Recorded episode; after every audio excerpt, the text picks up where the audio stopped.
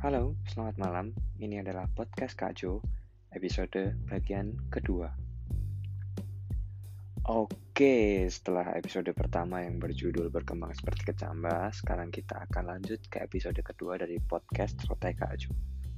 Podcast episode kedua ini berjudul Terbiasa Drama Korea.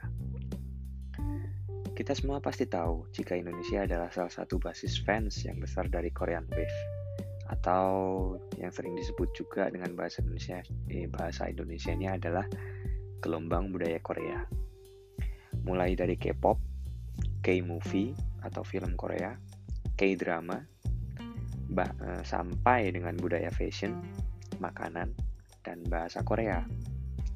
Mulai dari anak-anak muda Indonesia sampai dengan yang dewasa, banyak yang mengemari budaya Korea. Tak ayal, Hal ini memberikan pengaruh yang cukup besar dalam perkembangan anak-anak muda di Indonesia, mulai dari cara bergaul hingga cara mereka berinteraksi dengan sesama penyuka budaya Korea.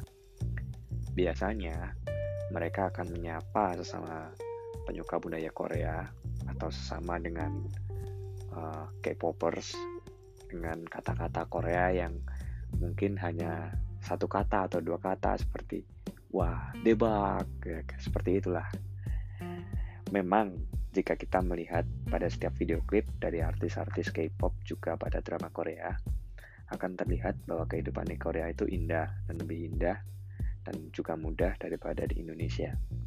Padahal, kenyataannya jauh dari apa yang dibayangkan. Sama halnya di Indonesia, kehidupan masyarakat Korea pada umumnya juga memiliki masalahnya sendiri. Pengangguran, kemiskinan, pembunuhan, dan masih banyak lagi. Bahkan, Korea memiliki tingkat stres yang sama dengan Jepang dalam hal pekerjaan, sehingga banyak kasus bunuh diri yang terjadi. Hal inilah yang menyebabkan pemerintah Korea saat ini mulai menggalakkan untuk menurunkan jam kerja, tapi menaikkan tingkat gaji dari pekerjaan dari pegawai yang ada di Korea. Tidak hanya masyarakat biasa, tapi Bahkan artis Korea yang mengalami depresi karena tekanan dalam kehidupan dan pekerjaan mereka pun itu juga banyak.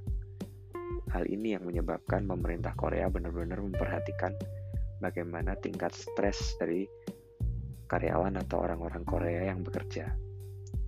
Oke, kembali pada inti topik podcast pada malam ini, yaitu terbiasa drama Korea. Sebenarnya apa sih maksud judul dari podcast malam ini? Uh, begini jadi akhir-akhir ini kita di Indonesia banyak banget disuguhkan drama dari artis-artis Indonesia. Mulai dari nikah settingan hamil settingan bahkan sampai makan pun settingan. Eh tapi kalau makan kayaknya nggak settingan ya.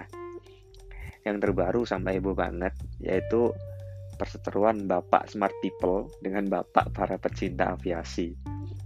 Sampai-sampai gara-gara perseteruan dua youtuber itu sudah ada kubu youtuber yang satu kubu pendukung bapak smart people dan satu kubu pendukung dari bapak pecinta para aviasi.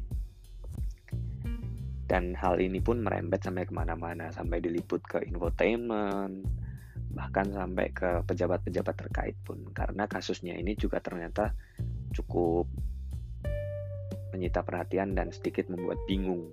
Karena disinyalir ada beberapa kebijakan atau keputusan yang dilakukan tanpa mempertimbangkan hal-hal yang lain oleh uh, badan organisasi atau badan pemerintah yang menaungi dari pekerjaan bapak para pecinta aviasi. Dan nggak cuma artis Para pejabat dan politikus di Indonesia pun saat ini juga suka bermain drama dengan posisi mereka sebagai orang yang penting di Indonesia. Mulai dari percaya hoax sampai mereka bikin hoax sendiri cuma agar tingkat kepopuleran mereka di masyarakat itu naik.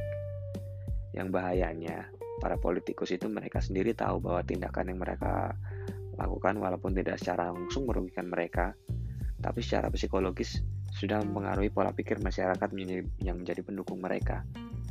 tapi mereka tetap melakukan ini. Ini yang sangat berbahaya. Orang-orang menjadi bingung dan bias untuk menentukan mana fakta dan mana juga yang drama. Dan hal inilah yang membelah masyarakat Indonesia menjadi beberapa kubu. Ambil contoh di kasus Pilpres kemarin. Sampai ada kubu Pak A, kubu Pak B, dan juga kubu apatis.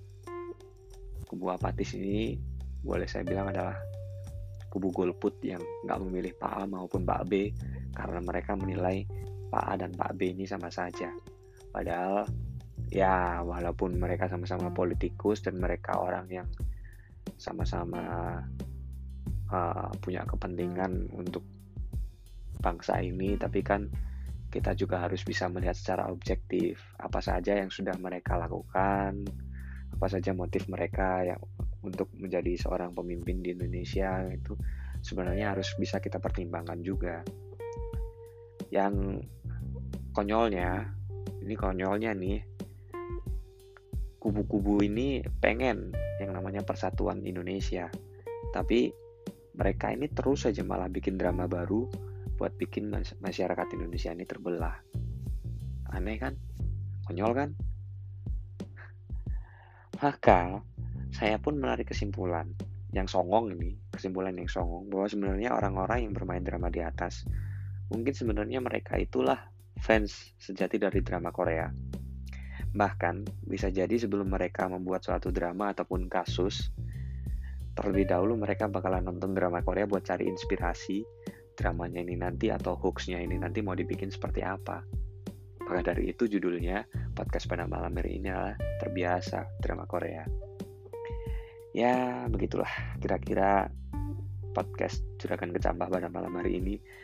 Dan untuk mengakhiri podcast kali ini tetap saya akan mengucapkan semangat menjadi kecambah yang terbaik.